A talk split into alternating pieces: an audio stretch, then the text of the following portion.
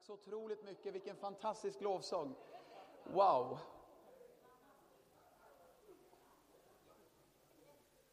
Okej, okay, ja, eh, vilken stund vi hade. Alltså wow, eh, jag ser fram emot redan nu imorgon kväll. Jag vill bara skicka ut till dig, please, låt oss fylla det här stället imorgon. Eh, Gud har satt människor i din omgivning. Eh, och, och, och, och, Gud har tänkt att du ska vara ett ljus. Och, och eh, om inte vi lyser, då kommer hela världen vara i mörker. Om inte vi är salt, då kommer hela världen hamna i djupare mörker och i, i djupare förruttnelse. Vi är det enda saltet på jorden, kom ihåg det. Det är ingen exklusiv religion vi har här, utan det är bara Jesus egna ord. Vi är inte som salt, vi är salt. Eh, vi är jordens salt och det innebär att om inte vi är salt, då kommer hela världen hamna i mörkare mörker och djupare förfall. Vi behöver vara salt. Vi behöver vara ljus. Och jag bara säger till dig, dina vänner, dina bekanta, de Gud har satt i ditt liv. Det kanske är så att han söker dem. Och jag vill bara skicka ut till dig, please, kan vi inte alla göra så här? Scrolla din mobil, om du har en mobil, eller telefonbok eller hur du gör. Scrolla den, säg helige ande, vem ska jag bjuda med imorgon? Och så alla fem var. Skicka ut ett sms, eller allra helst prata med dem, eh, alltså ring eller se, träffa dem. Hej, kan inte du komma med mig till kyrkan? Snälla, eh, det skulle betyda så mycket för mig. De kanske inte kommer för kyrkans skull, de kommer komma för din skull. Och när de kommer för din skull blir det att de blir också frälsta. Så please, låt oss bara se till att åtminstone försöka sträcka ut oss till människor. Det kommer, bli, det kommer flyga imorgon alltså. det kommer bli jättebra imorgon. Och det kommer bli bra nu. Så du får en appetizer nu. Men imorgon, mina vänner, mina bröder och mina systrar, please, låt oss sträcka ut oss till människor och låt oss fylla det här stället. Det vore fantastiskt. Låt oss chocka oss själva över vad som poten, vad, vad är potentiellt att göra. Alltså på riktigt, förstår ni vilken tro det skulle väcka om det var helt fullt här inne? Det sitter folk på här och grejer. Det, det vore grymt, eller hur?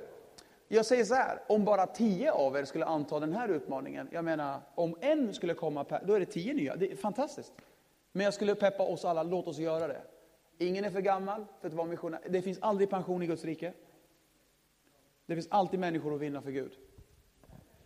Okej, okay, så. Eh, jag vill bara peppa dig med det. Imorgon kväll 19.00 frälsningsmöte, let's go, alright. Och ikväll, eh, underbart möte också. Eh, så är du här idag och gäst så, så känner dig jätte, jättevälkommen. Jag, eh, jag brukar predika och jag, jag, gör det på mitt sätt så här. Och eh, eh bear with me om, om du tycker det är liksom lite slang och grejer. Det beror på hur invandrig jag blir. Eh, men okej, okay, let's go. Första Mosebok kapitel 18. By the way, jag har med mig jättegoda vänner som jag vigde. Kan vi ge Gabriel och Stephanie en varm applåd? Kära, kära vänner. I love you guys. Oj, oj, oj, det här visste inte ni att jag skulle göra. Christer, riktigt roligt att lära känna dig. Peter har jag känt lite längre. Och, eh, nej men det var ju när, när jag, du bjöd in mig till någon ungdomskväll. Och så var det någon präst som kom också va? Ja, just det. Ja, vad kul. Är han här nu eller? Fader Adai. Okay, ja. Första Mosebok 18, 13. Herren sade till Abraham. Varför log Sara och tänkte, skulle jag föda barn, jag som är så gammal? Skulle någonting vara omöjligt för Herren? Vid den bestämda tiden nästa år ska jag komma tillbaka till dig och då ska Sara ha en son. Då nekade Sara och sade, jag log inte, ty hon blev förskräckt. Men han sa, jo, du log. Gotcha. Du log. Eh, titeln på kvällens predikan är lång. Men ni får, ni får säga det med mig så att vi kommer ihåg det tillsammans. Här kommer det. Jag vill att du säger det med mig. Jag kommer säga den första meningen och ni repeterar efter mig. Kan vi göra det på det sättet så kommer vi hjälpa varandra och komma ihåg vad Gud vill säga idag. Är ni redo? Här kommer det. Jag är utvald. Här är platsen. Och nu är tiden. Kan vi säga det igen? Jag är utvald. Peka på dig själv och säg det med självförtroende. Jag är utvald brorsan. Och så säger du, Walla, här är platsen om du vill. Och nu är tiden. Gud kommer till Abraham och han säger till dem och Sara och säger att jag kommer ge er en avkomma av ert eget kött. Med det löftet så skrattar Sara. För att det var ju omöjligt. Med sitt skratt så säger hon typ, vilken, jag är jättegammal. Jag är inte utvald. Det här är verkligen inte platsen och nu är verkligen inte tiden i mitt liv. Men Gud säger, skulle någonting vara omöjligt för mig? Bibeln är helt sprängfull av sådana här berättelser. Där Gud kommer till människor som sa att de inte var utvalda. Men Gud behövde övertyga dem att de var utvalda. Han kom till människor som sa, han sa till dem, här är platsen för mirakel. Och de sa, här är verkligen inte platsen för mirakel. Och han behövde övertyga dem att här är visst platsen för ett mirakel. Här är visst platsen där vatten ska komma. Och han kom till människor som sa, det är verkligen inte tid i mitt liv, som Sara sa, och Gud behövde övertyga dem att det är tid i ditt liv. Det är nu, nu är tiden i ditt liv. Moses, Gud kallar honom och Moses säger nej. Jag är inte utvald. Varför då? För jag kan inte prata. Jag är, jag är trög i min tunga. Och här är inte platsen, nu är inte tiden. Och Gud behövde övertyga honom att han var utvald. Gideon. Jag har fel släkt, jag har fel efternamn. Jag, jag, jag har fel färg. Jag har, jag har, jag, det är egentligen är, det är fel på allt. och Gud behövde övertyga honom och jag fascineras över hur Gud hade tålamod med honom. Och lät honom grubbla klart. För att det skulle landa i honom att han var utvald. Gud gick inte förbi för att han inte fattade grejen direkt. Han väntade på honom. Vet du hur vi vet att han väntade? För att Gideon sa till ängeln i, i, i domarboken så här. Om du är från Gud, vänta på mig så ska jag ordna mat till dig. Det fanns ingen McDonalds på den tiden. Vet ni hur lång tid det tar att göra mat? Han skulle göra bröd, han skulle tillaga köttet. Det kanske tog timmar. Ängeln sitter under ett träd och väntar på att Gideon ska grubbla klart över att är det verkligen Gud som har pratat med mig? Han lagar sin mat och ställer fram maten och då kommer eld ut ifrån den ängeln och på det sättet förstod han att det här är en Herrens ängel och han sa ställ dig upp du tappre stridsman, du är vald av Gud. Men han behövde timmar i grubbleri, i egna, resu, egna resum. Så är det verkligen så? Är det verkligen så? Vet du, Gud har inte bråttom. Gud kan vänta på dig. Men ikväll tror jag poletten ska ramla ner. Eld ska gå ut från Gud. Där han bekräftar för dig, jag har valt dig. Jag har valt dig. Du kom inte till Sverige av en slump. Du, jag, jag har valt att du ska komma hit för att du ska vara missionär här.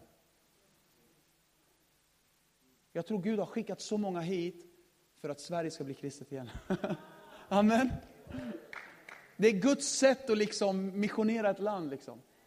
Och han vänder nackdel till fördel. Han vänder eh, lidande till något positivt. Någonting behöver skifta i oss ikväll. Gud vill att vi ska se potentialen i ena kyrkan. Gud vill att vi ska förstå vilka vi är i Kristus och vad Gud har satt oss in i. Det, eh, eh, för, för, några år sedan, eller jag är inte säker på årtal, men ett gäng år sedan så var det en flight i USA, en inrikesflight eh, som lyfte från Washington. Jag tror den hette eh, Flight 903. De gjorde en film om detta. Eh, de hade bara 92 passagerare. Men flighten, eh, det flög in fåglar liksom, eller de, ja, det kom in fåglar i en av motorn och, och det havererade och de kraschlandade. De lyfte direkt och så eh, kraschlandade den. Och den kraschlandade vid en bro som heter the 14th Bridge i Virginia. Planet dumpade alla 92 passagerare i det iskalla vattnet. Plötsligt är hela mediateamet där, de står omringade runt floden där och filmar och övervakar och livesänder den pågående kraschen och folk som simmar för sitt liv för att, och båtar var på väg och det var kaos. Man kunde se levande personer kämpa för sitt liv för att klara sig i det iskalla vattnet. Och helt plötsligt under livesändning, en reporter står och pratar, bakom henne står, ser man en lastbil tvärnita vid bron och eh, chauffören eller lastbilschaffisen kliver av med sina träskor, slänger av sig dem så här och bara kutar till kanten av poolen och hoppar i. Och man ser detta i live. Och så genast bara, vänta, vänta, det händer någonting här. Och så filmar de, vad gör den där mannen? Vad gör den där mannen? Han simmade till en person, den första han kunde grabba tag i, tog tag så här och drog den personen till kanten. Sen simmade han ut igen och han räddade tre personer. En mamma sitter och kollar på TV när det här pågår. Det är live. Hon säger till sina två pojkar som också kollar på TV med henne, hon säger, vet ni vad pojkar? En sån typ av pappa, eh, en sån typ av man är eran pappa. Han skulle ha gjort sådär. Och till sin fasa fick hon veta att det var hennes man. Det var inte lika kul. Det var hennes man. Och jag undrar, vad säger människor om oss? När det verkligen gäller. Drar vi, drar vi, drar, går vi in i grottan igen eller kliver vi fram och säger, jag är vald av Gud? N när inga ställer upp i kyrkan och vill, vara, vill liksom eh, ta tjuren i hornen vid saker. Vem är det som steppar upp? Jo, de som har blivit tillräckligt trygga i att de är valda av Gud. Och jag vill säga till dig att du är vald av Gud. Gud har ämnat storhet för dig, Gud har hopp för dig, Gud har en framtid för dig. Gud har en plan för ditt liv, Gud har inte tänkt nederlag, Gud har tänkt framgång. Det är okej okay att applådera. Och ordningsregel, om en applåderar, applåderar alla. Kom igen. Halleluja. Vi behöver tjejer som inte gnäller, vi behöver killar som inte drar sig bort. Vi behöver att vi ställer, upp, ställer oss upp och säger, jag är vald av Gud. Här är platsen och nu är tiden. Sluta tänka att gräset är grönare någon annanstans. Det är, gräs, det, det är grönt där du vattnar det. Ja, det där äktenskapet är så fint. Vet du, ditt äktenskap kommer att bli bra om du börjar vattna på det. Vi behöver människor, troende, som säger det är tid för genombrott. Det, det, jag är vald av Gud. Vad ska vi vänta på? Lyft blicken och se hur fälten har vitnat till skörd. Gud sa till Jeremia, innan jag formade dig valde jag dig. Alltså innan jag gjorde dig i mammas mage valde jag dig. Vet du vad det här säger mig? Gud valde oss innan vi ens försökte gå med honom. Om nu Gud valde dig innan alla dina försök att liksom vara tillgänglig för honom. Alltså, hur mycket mer? Älskar inte han dig nu, när du också försöker? Förstår du? Han valde dig innan allting. Innan du kom fram helgade jag dig, jag satte dig till att vara en profet för folken. Kung David han säger till och med så här, Gud har skapat mina njurar. Njure i Bibelns språk är hjärta. Det är det djupaste i själen, det är det djupaste i människan. Njure och hjärta är typ synonymt. Det är det djupaste liksom. Han har skapat mina njurar. Alltså han har skapat det djupaste i mig, det, det, deepest liksom, det djupaste i mig. Gud har skapat mina, han vävde mig i moderlivet. Och så säger han, han gick fram till spegeln, han gör så här. Han går fram, han bara, oh, oh vad snygg tavla. Ah, det var jag. Har du gjort det någon gång?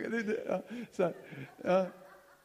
Du går förbi, du går förbi spegeln, och oh, bo, vilken snygg tavla, ah, det var bara jag. Vet du, när du blir trygg i dig själv och när du förstår att du är älskad av Gud, då får du det självförtroendet. Och det är inget kaxigt Zlatan-självförtroende, det är bara ett sunt självförtroende att jag vet vem jag är. Ödmjukhet är att veta vem man är. Jag är älskad av Gud. Gud vet mycket väl vad han gjorde när han gjorde mig. Jag var crescendot i hela hans skapelse. Sorry.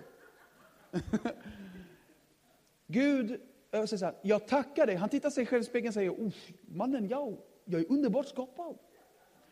Underbara är dina verk, Gud. Vilken bra Gud du är. Walla, du gör mycket bra jobb med mig. Min själ vet det så väl. Vet du i din själ så väl att du är utvald? Halleluja. Innan du valde honom valde han dig. Lyssna.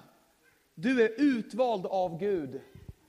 Du har ögon, dina ögon har 100 miljoner receptorer för att kunna njuta av en örn som flyger eller att se en snöflinga falla. Du har öron som har 24 000 fibrer som vibrerar just nu medan jag pratar och predikar. De kan höra bruset från havets vågor och hymnerna från en opera. Du har en kropp som har 500 muskler och 200 ben. Och i den kroppen finns det en mil av nervtrådar som synkar med varandra och ger hela kroppen rörlighet och vighet. Jag är underbart skapad. Jag har ett hjärta, du har ett hjärta som i år kommer slå 36 miljoner gånger. Bara i år. Den pumpar 1,8 miljoner liter blod genom en kropp med 96 000 kilometer eh, med blodkärl och ådror. Du har lungor som har 600 miljoner fickor som utvidgas och skickar ut syre till hela din kropp. Jag är underbart skapad. Du har fyra blodbehållare i kroppen och i blodet finns det 22 triljoner. Vet inte ens hur mycket det är. 22 triljoner celler och i varje cell finns det miljoner molekyler och i varje molekyl finns det en atom som isolerar 10 miljoner gånger i sekunden och det dör 2 miljoner i sekunden och det återskapas 2 miljoner i sekunder. Alltså jag är ett livslevande mirakel. Hej!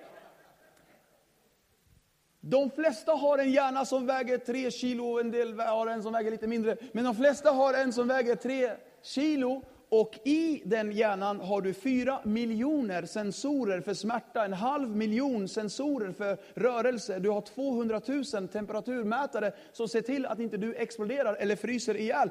Alltså hej, det här är kroppen som Gud har gett mig. Om nu Gud har lagt så mycket teknologi i en kropp som ska ruttna och ätas upp av maskar sen, hur mycket mer teknologi har inte han lagt i den nya kroppen som jag ska få i himlen? Bush! Mm. Jag är utvald! Peka på dig själv och säg jag är utvald. Hej! Det är ingen liksom joker här framme. Ha? Det är ingen liksom underhållning det här. Det här är Guds ord till dig. Och när du säger amen och halleluja och applåderar, då responderar du bara till det du hör. Du peppar inte mig, du bara äggar upp dig själv. Det är sant. Jag behöver inte liksom, jag är, jag är, jag är trygg. Alltså, men det händer något i din bänkrad, när du är get your praise on. Alltså det händer någonting i, om, i rummet, det händer någonting med atmosfären, det händer någonting med tro. Halleluja. En svensk kemist går upp på morgonen och slår upp tidningen 1888. Fanns det tidningar då, tydligen. Eh, till sin fasa så läser han, han slår upp tidningen, och till sin fasa läser han nekrologen om sitt eget liv. Nekrolog, för er blatte, eh, det betyder eh, eh, dödsannons. Alltså när någon har dött så skriver man en text om personen. Nekrolog heter det. Jag visste inte det, jag slog upp det. Okay. han, han slår upp tidningen och läser nekrologen om han, honom själv. Vad tidningen hade gjort, det är att de hade förväxlat. De hade trott att kemisten hade dött, när det egentligen var hans bror Ludvig som hade dött. Och då trodde de att det var kemisten, så de har gjort liksom en research om honom. Tänk att gå på sin egen begravning och höra vad alla kommer säga. Åh, oh, hjälp. Mm, läskigt. Det vore väl intressant att, att, höra vad den texten säger, tänker han. Men det var, det var, det var till hans förskräckelse, det han läste. Han, han läste att den här mannen har uppfunnit dynamit. Han har gjort det möjligt för länder att bomba varandra. Och, för, och han, han, har, han har tagit krig till en helt annan nivå. Han har uppfunnit dynamiten och bomberna. Och han tänkte när han läste det här, ska jag bli ihågkommen för det här? Så han tog alla pengar han hade tjänat på att uppfinna dynamit och han satte in det i en fond som han kallar för Alfred Nobels fredspris. Det här är Alfred Nobel. Han skapar en fond som ska främja fred på jorden. Av bombpengar. Förstår ni vad jag menar? Ingen tänker på krig när de tänker på Alfred Nobel. Alla tänker på fredspris. Det är det största varumärket i Sverige. Sverige är känt för Alfred Nobel. Alfred Nobels fredspris har satt Sverige på kartan i hela världen. Det är, det är det största varumärket vi har. Fredspriset. Och varje år delas det ut pris till den som främjar fred bäst. Och, och varje år är det olika, olika kategorier och olika. Men vad jag säger är, han vände sitt liv. Ingen tänker på Alfred Nobel för krig, alla tänker för fred. Vilken man. Han vände sitt liv och vi har alla genom Guds nåd chans att vända våra liv. Vad ska du bli ihågkommen för?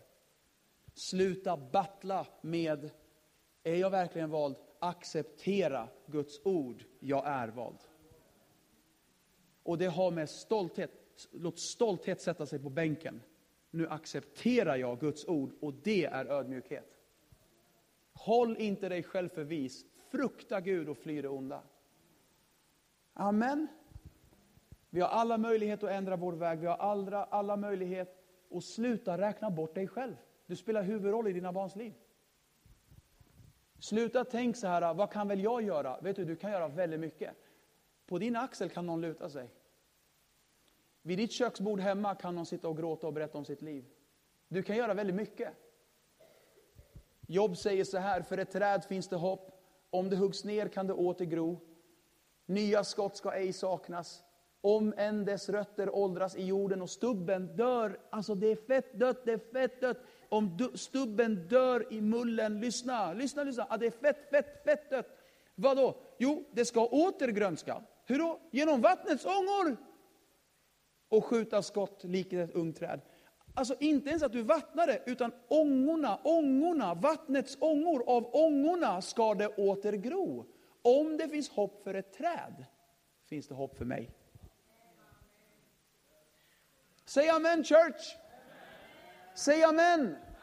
Säg amen i Jesu namn. För när du säger amen, då betyder det, Gud låt det bli så i mitt liv. Jag är vald. Kan inte du bara säga det en sista gång? Jag är utvald.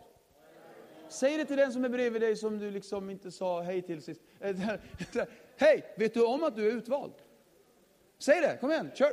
Ni också där bak. Hej grabbar, vad håller ni på med? Jalla, säg det till varandra. Jag är ut, du är utvald, du är utvald, du är utvald. Förlåt att jag är så obekväm att jag petar på dig så här mycket, men vet du? Jag har märkt att det är inte vad jag säger som kommer, det är vad du säger till dig själv som kommer landa. Jag är utvald. Och säg också det här, här är platsen. Här är platsen. Många säger så här, om jag var med i den kyrkan, då skulle jag må bra. Vet du vad? Det är inte alls sant. Vet du hur många jag har träffat som säger, åh om jag var med i Hillsong. Vet, alltså, alla kyrkor har problem.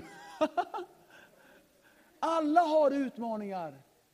Det är inte bättre i en annan familj för att de har så schyssta bilder på Instagram. Bror, det är bara fejk alltihopa. Det är bara smink. Det är bara smink. Det är inte sant någonting. Har ni sett den här Solsidan? När hon, så, hon är så arg på sin granne som har så schyssta matbilder. Hon var så arg, så tar hon så här värsta mattidningen och så fotar hon bilden. För att liksom hämnas. Så taggar hon. Mm, fräsch lunch. Då var det bara, hon tog kort på ett kort. och så det här var vår lunch. Egentligen något om köttbullar och makaroner. Uh. Många säger, om jag jobbade i det här företaget, då skulle de se min potential. Men Gud säger så här, vet du vad? Här är platsen. Om jag var gift med henne, då, vet du vad? Det Gud har gett dig kommer blomstra. Alltså det, det här är så bra. Det, ärligt, jag ger mig själv gåshud just nu. Det här, är, det här är så bra. Första Mosebok 26 säger att det var en hungersnöd i landet och Isaks alla djur var döende, alla tjänare drog. De ville gitta det där stället, det fanns inga fruar att gifta sig med, det fanns inga jobb, det var lågkonjunktur, alla ville dra. Men Gud säger till honom, vet du vad Isak? Här är platsen. Här är platsen. När alla drar till Stockholm, här är platsen. Här ska det återgro. Jag ska inte lä lämna inte, jag ska välsigna dig på den här platsen. Och Isak bestämde sig att inte bara följa mainstream, utan han bestämde sig att gå på Guds ord och inte flytta. Och han bara, ja, här är platsen Gud. Det viktiga är här, gå på vad Gud säger, inte på vad som verkar bra. Gud vill att vi ska skaka av oss tankarna att i ena kyrkan kan det inte bli ett stort ungdomsarbete. Vem säger det? Det kan det visst. För här är platsen. Det, eh, här finns det inga jobb, det finns jätte... Öppna dina ögon. Sluta stirra i naven och sluta vara på social media. Öppna dina ögon. Gå in på Platsbanken, det finns mycket jobb. Det finns jobb. Det finns tjejer. Det finns mycket garris här också. Det, jag hörde nu senast en igår på innebandyn, han sa det finns inga tjejer. Jag bara, Habibi, gå till Livets Ord. Nej. oh, jättemycket blondiner. Så här. ja, Nej, men ni fattar. Men jag, jag, jag, jag, jag, sa det, på, jag sa det, men jag skämtade. Jag sa, vet du vad, på, på riktigt, öppna dina ögon. Och kom ihåg, eh, sluta vara så kräsen. Alltså. Du liksom, eh, skärp dig. Eh, eh, var glad att, eh, om ens någon vill ha dig. yeah. Tjänarna sa till Isak, vi måste gitta det här stället. Det är inget kul här, det finns inga jobb här. Och kanske djävulen säger det till dig om din dröm om ditt företag eller den kyrkan du är med i. Eller vad, du borde pröva något annat. Du kanske missade din chans här. Du kanske borde gitta. Och vet du, vi blir sådana människor som aldrig är lojala. Och det finns så mycket i vår generation idag som är olojal. Man, kan, man är inte lojal. Hej, låt oss bara säga, Gud, vad vill du? Och bara, okej, okay, här är platsen. Vad gör Isak? Han kommer på att hans pappa grävde ju brunnar här. Och han gräver upp brunnarna, han gräver upp dem på nytt. Han gräver upp den första brunnen, han kallar den för Esek. För att Esek betyder tjafs. För att när han grävde upp den och vatten kom från brunnen, då såg fienden, det finns vatten här, wallah, vi ska ta det ifrån dig. Och då tog de det ifrån honom. De tog den brunnen, de tog det ifrån honom och, och, och de, kallar, de tjafsar med honom och han kallar det för Esek för han fick inte behålla det. Och det är så lätt att nu när du hör den här predikan och nu blir jag peppad, nu ska jag ge dig en chans. Och så gräver du upp en brunn och så boom säger det. Så tas det ifrån dig. Vad gör du då? Vet du vad Isak gjorde? Han grävde en till. Och nästa brunn han grävde kallade han för Sittna. För att när han grävde upp den, eh, då började de attackera honom. Sittna betyder attack. De började attackera honom, gräla med honom och de flesta hade gett upp nu. Jag har testat två gånger Gud, hon vill fortfarande inte omvända sig. Så här, ja, men du vet så här, jag har testat två gånger till, jag har gett mitt företag två chanser till. Hej, vet du vad? Ge inte upp. Har Gud sagt det, kommer det att bestå. Här är platsen. Han gräver upp eh, försök nummer tre. Fienden tittar nu på varandra och säger, den här mannen han kommer inte flytta på sig. Det är lika bra att ge honom vad han vill. Och så kallar han den tredje platsen för Rehobot, för det betyder Gud har gett mig utrymme för mina fötter. Amen. Gud har skickat mig ikväll hit för att säga till dig, sluta tänka om jag var med i Life Center, om jag var med där. Om jag, om, här är platsen. Här är platsen. Det här ska bli känt för vad Gud gör, inte bara liksom schysst konferens och grej. Det ska bli känt för vad Gud gör. Det ska vara väckelsens plats det här. Amen. Du vet när djävulen försöker göra dig missmodig, häng i. Ditcha inte bara, häng i. Djävulen kan försöka täppa min brunn, men då gräver jag en ny. Det är lätt att säga, men wow, de som gör det. 1901 så sköts en president två gånger eh, med två skott. Han fördes till sjukhem för vård. Han hette William McKinley, för er som gillar historia. På den tiden hade man ganska begränsad eh, kunskap inom läkarvård. Man hittade ena kulan, kulan men man hittade inte den andra kulan. Man lyckades inte lokalisera den andra kulan. För William McKinley var en ganska stor man, ganska eh, tjock sådär. Så man hittade inte den andra kulan och man var tvungen att sy igen honom med den andra kulan i kroppen. Och man visste att när bedövningen går ur då kommer han få väldigt, väldigt ont och bakterier kommer orsaka att den här mannen kommer dö. Och vi måste hitta kulan och man visste inte vad man skulle göra. Och exakt det hände sju dagar senare. Han dog. För att de hittade inte den andra kulan.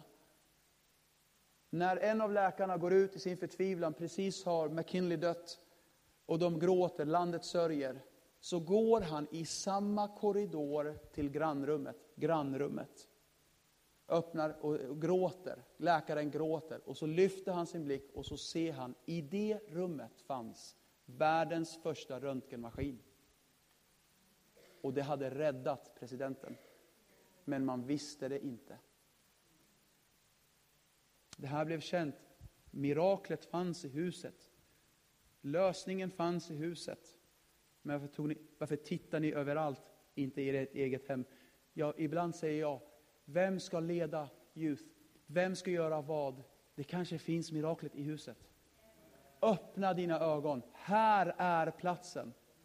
Med den här lovsången vi hade ikväll, jag bara tänkte, oj, oj, oj vad det kan eskalera.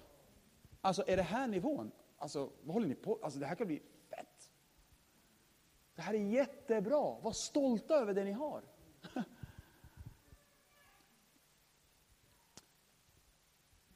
Jag tror att Gud säger till oss, var uppmärksam på de tillgångar du har i Kristus.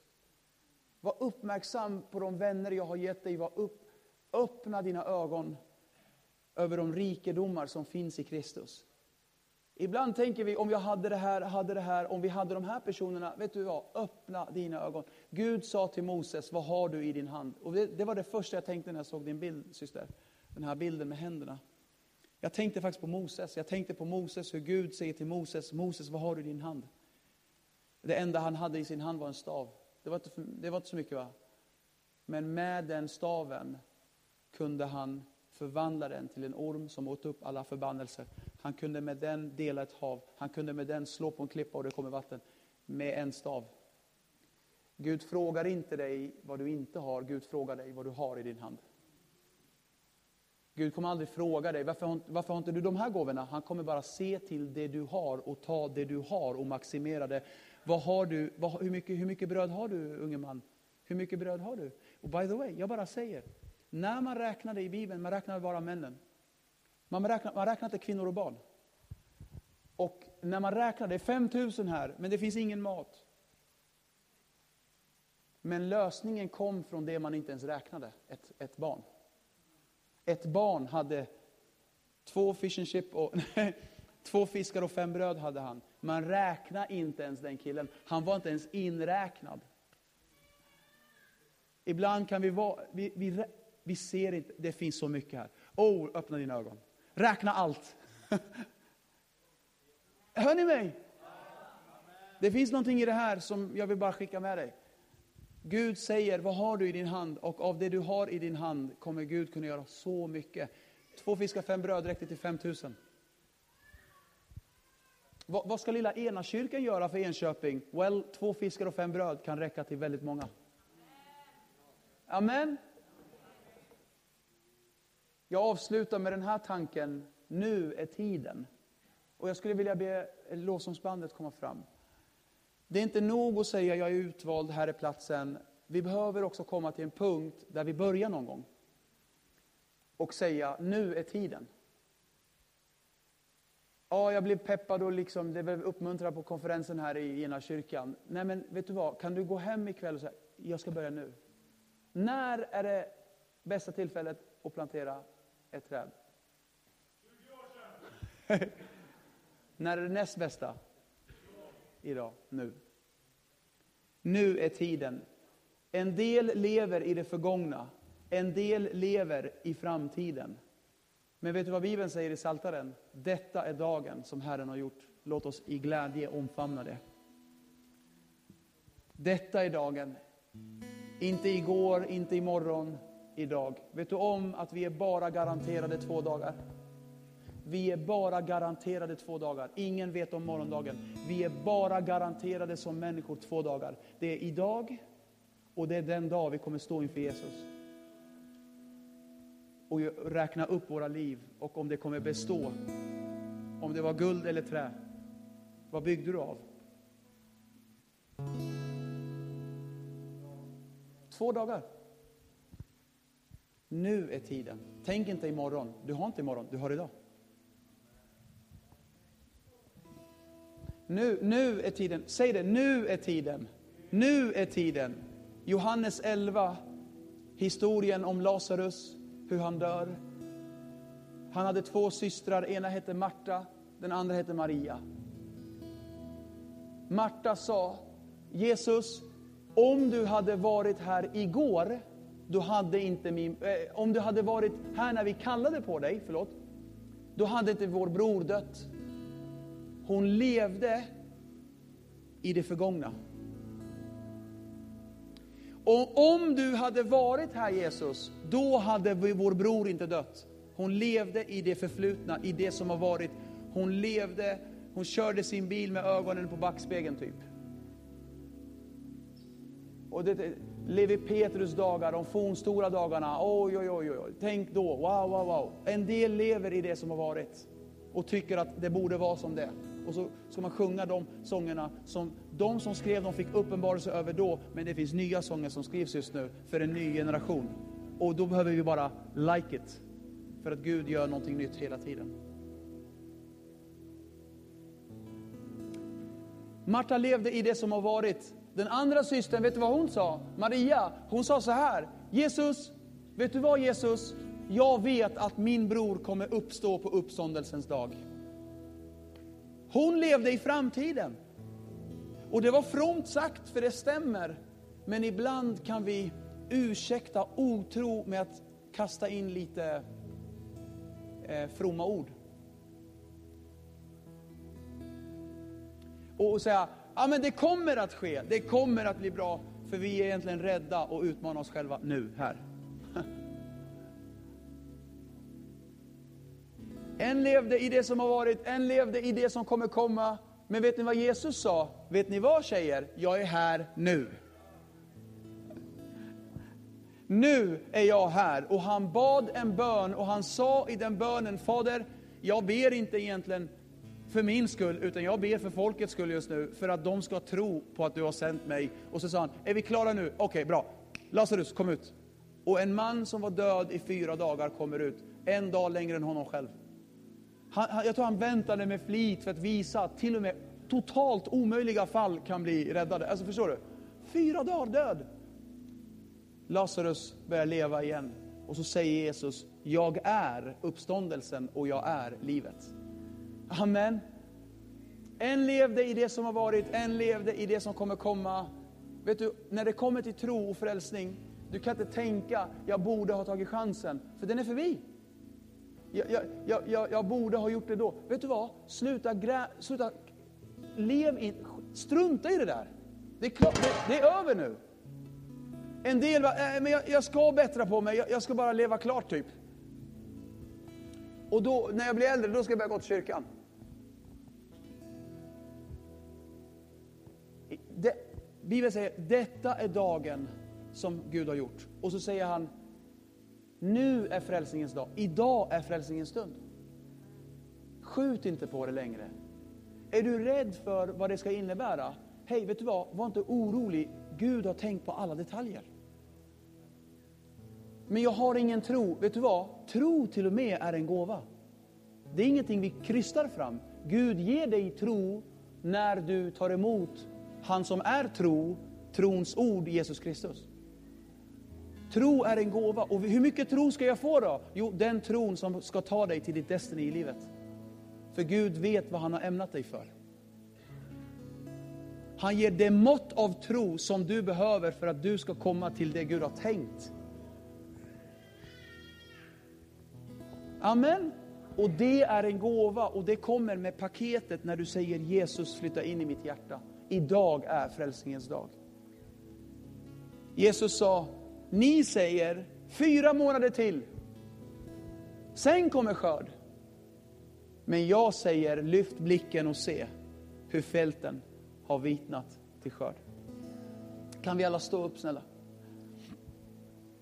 Vi kan stå kvar i all lugn. Vi behöver inte röra på oss så mycket. Jag vill avsluta med en historia. En historia jag själv hörde en gång. Och när jag hörde den så fullst... Alltså jag kommer ihåg, jag, jag hörde den i en predikan och så var jag tvungen att stanna min bil för jag började gråta så mycket över, över det jag hörde. Och det är en väldigt magstark berättelse, men jag vill att du ska höra den för att du ska förstå hur allvarligt det här är. Att nu är tiden. 1912 så lämnar Titanic Southampton. Klockan 23.40 ute på kvällen till havs så krockar man med ett isberg. Många av världens rikaste personer var ombord och Ehm, de kändaste eliten var ombord, man ville liksom åka det osänkbara skeppet. Ombord på båten fanns också en man som hette John Harper. John Harper hade med sig sin sexåriga eh, dotter. John var ensam med sin dotter där. Hans fru hade dött några år tidigare. Eh, så han åkte själv för att börja ett nytt liv i Staterna. Och han hade med sig sin lilla flicka, sex år när högtalarna börjar ropa att vi har krockat och vi sjunker, då sa man också att alla som har barn ska ha företräde till livvästar. Eh, alla, alla kvinnor och barn har företräde till livvästarna och livbåtarna. För man tänkte att den här är ju osänkbar, så man hade inte tillräckligt med båtar till och med för att rädda alla passagerare. Så man valde kvinnor och barn. Men eftersom John eh, var då enda föräldern till barnet fick han också företräde och han fick en livväst tillsammans med sin flicka. fick de en livväst. John var också en predikant. Han predikade evangeliet i hela England och mycket i Southampton. Han predikade evangeliet och men nu var han i en situation som var otroligt knivig. Han tar sin lilla sexåriga dotter, bär henne i famnen, springer till båtarna. Och då säger, så ger han sin lilla flicka till en av besättningen där och de tar flickan till en av livbåtarna och så säger de Now John, you come. Och John han sätter foten över liksom kanten och ska precis kliva i båten och så bara känner han i sitt hjärta, jag kan inte kliva på. Han vänder sig till sin lilla flicka och säger, Darling, Dad will stay and he will preach. But God is with you. I will never forget you. Flickan tittar på sin pappa. Men vi ses väl i himlen, säger hon. Och så vinkar de till varandra och flickan gråter och mannen han vinkar till sin lilla flicka och båten sänks. Han visste att det fanns fortfarande 1520 själar som skulle hamna i det iskalla vattnet och in i evigheten. Han pussar sin flicka, med fast blick sa han, jag måste predika för de döende själarna. När båten sänks ner vinkar han och när han inte längre ser sin flicka så vänder han sig om och med stor nöd börjar han predika evangeliet om Jesus Kristus. Det sägs att hela kören som spelade där, alla tog emot Jesus. Han gick till dem och sa, Are you saved? Are you saved? You're going to die. Do you know Jesus? Och han predikade för dem och han bad dem sjunga O store Gud. Och de började sjunga O store Gud och han höll typ som ett väckelsemöte. Han sa, Please come. Och det sägs att ett hundratal samlades och han predikade med full kraft och det skakade och en del ramlade och, någon, och han gjorde sitt yttersta. Och han sa, snälla böj, böj era hjärtan för Gud och säg, Gud förlåt mina synder, be efter mig. Och han bad en bön och de bad efter honom och man vet inte hur många som blev frälsta den kvällen. När Titanic sen sjönk så var också John Harper kvar. Det här är en sann historia alltså när, när han nuddar vattnet tillsammans med dessa 1520 själar, börjar han, när, när han hamnar i vattnet så, så, så, så började han simma till person efter person. Och han frågade, är du frälst, är du frälst, du kommer dö. Känner du Jesus? Den första personen han kommer till och frågar, är du frälst, är du frälst? Och mannen svarar nej och John fick i det iskalla vattnet leda honom till tro på Jesus Kristus. Han sa, be Gud om förlåtelse för dina synder. Erkänn att Jesus är Herren och Messias. Säg det till honom. Och mannen ber, han säger Gud välsigne dig.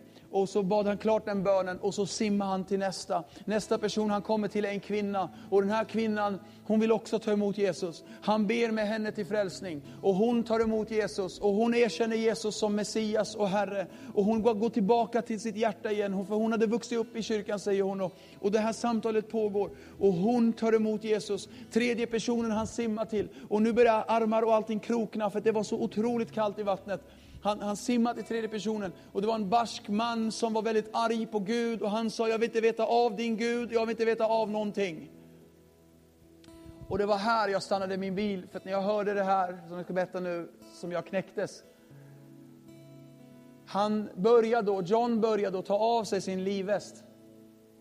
Och han ger sin livväst till den här mannen och så säger han, You need this much more than me. Och John dog där i vattnet. Han sjönk ner i vattnet och dog. Det var bara sex personer som räddades från det iskalla vattnet, förutom alla i livbåtar. En av dem var mannen som fick livhästen av John Harper. När de hade en återträff ett år senare med alla överlevare under Titanic-katastrofen Då fick dessa sex personer som hade överlevt det iskalla vattnet stå upp och berätta hur de blev räddade. Och en efter en berätta. Och när det var den här mannens tur så säger han under medias bevakning och hela världens ögon så berättar han om John Harper och den här historien jag nu berättar för er. Och tårar rinner för hans kinder. Och han säger I am now a born again believer and I'm a, a preacher of the gospel of Jesus Christ. För när han kom hem sen så bad han Gud om syndernas förlåtelse, för det John gjorde blev en visuell bild vad Jesus har gjort. Han gav sin livväst till oss. Jag vill göra en inbjudan till dig att ta emot Jesus. När? Nu. Nu är tiden. Nu är frälsningens dag. Kan vi alla blunda? Jag vill att du ska fokusera på denna viktiga fråga. Jag fascineras ibland över hur, hur människor planerar sina liv och pensionssparar och allting. Och det, allt är bra och liksom de tänker på hälsa och äter och rätt. Och, allt det där är jättebra. Och, och tänka på sin hälsa och må bra och allt det här. Men vi kan bli så konsumerade av livet här och nu att vi aldrig ägnar den enda viktiga frågan egentligen och det är frågan om evigheten. Vad ska du göra med Jesus? Han är hörnstenen som håller ihop hela bygget. Han är frälsaren som kom ner. Gräm dig inte över att, vadå? Vadå Jesus är den enda vägen? Tänk istället, tänk att det ens finns en väg. Och det är Jesus. Jesus är vägen till räddning. Han dog på korset så att du kan leva. Han gav sitt liv för dig. Han älskar dig. Det var dig han tänkte på när han blödde, när han gav sitt liv. Han tog din synd och skam. Och allt du behöver göra är att säga ja. Ja, förlåt min synd Jesus. Ge dig till Gud. Ikväll är ett perfekt tillfälle. Han väntar på dig. Det är ingen slump att du är här. Blir du medbjuden och så, kanske är dags att bara ge sitt hjärta till Jesus.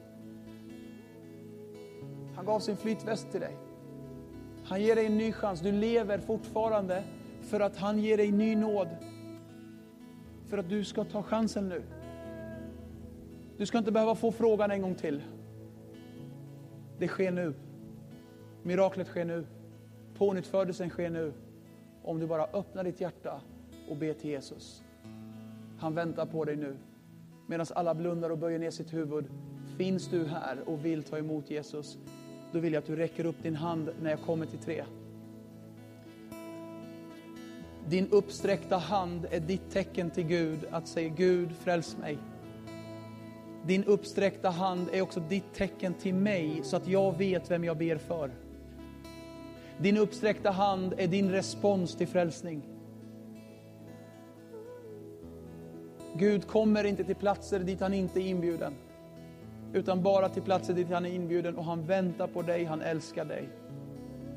Medan alla stänger sina ögon och blundar. Och det här är bara mellan dig och Jesus. Jag räknar till tre. Snälla förbered din hand. Vem ber jag för idag?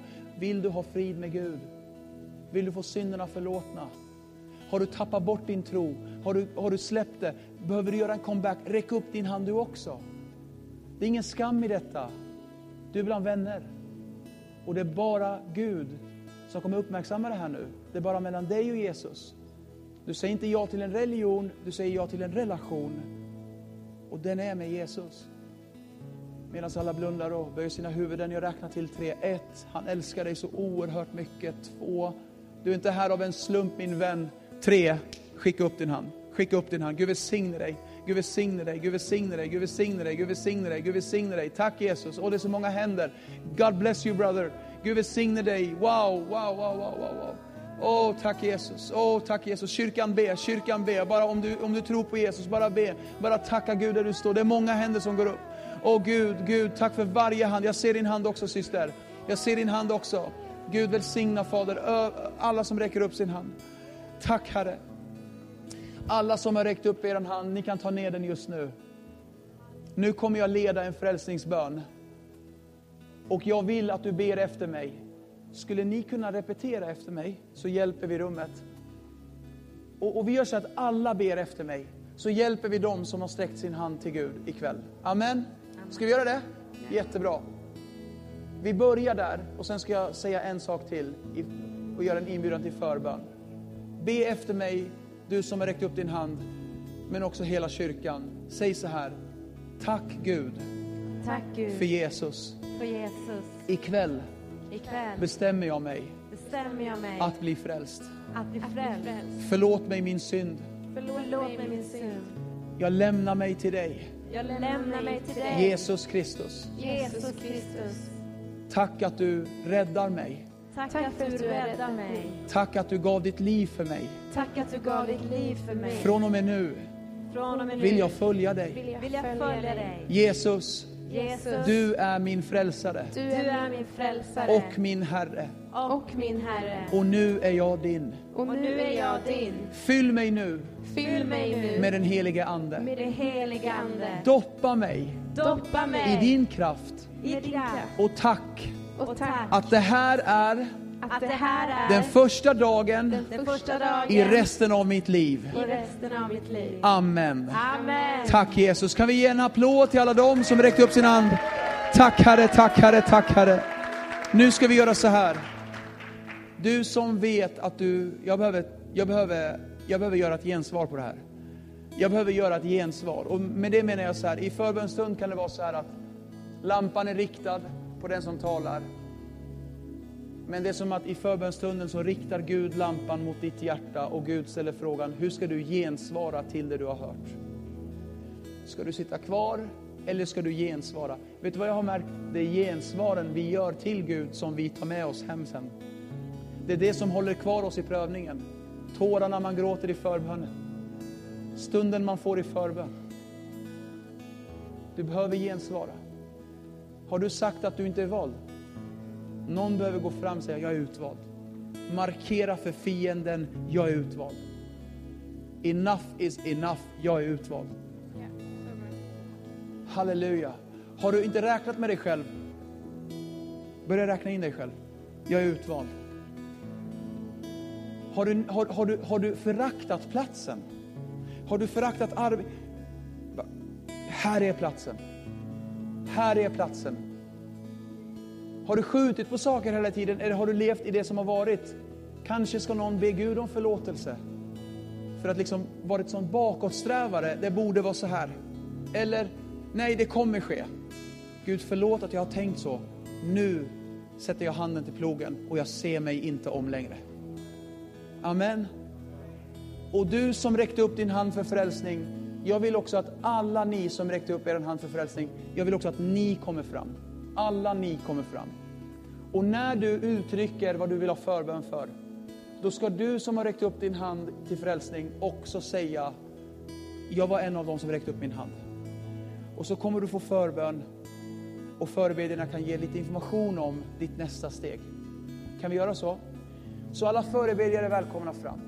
Stephanie, eh, Gabriel, ni kan bara ställa er här, kanske på första bänken typ, med ansiktet mot allihopa. Och hej, vänta inte nu, utan bara fyll den här platsen.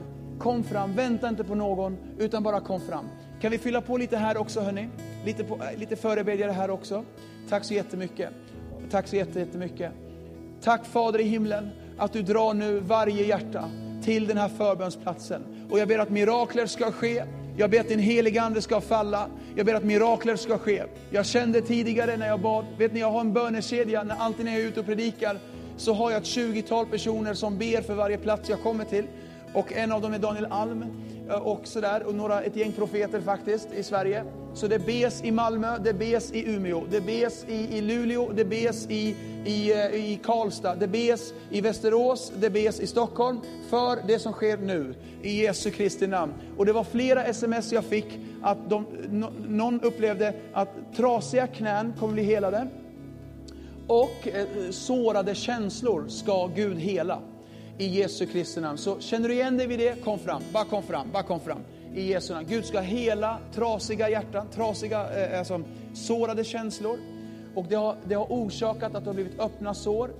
Och eh, det har lockat till sig flugor, demoner, som inte varit sunt för dig. Men Gud ska hela såret och flugorna kommer fara. I Jesu Kristi Nazarens namn. Amen. Och om det är någon som känner igen sig vid att eh, krossat knäskål, bara kom fram så ta emot helande. Amen. Heliga Ande, ta över. I Jesu namn. Amen. Ta oss till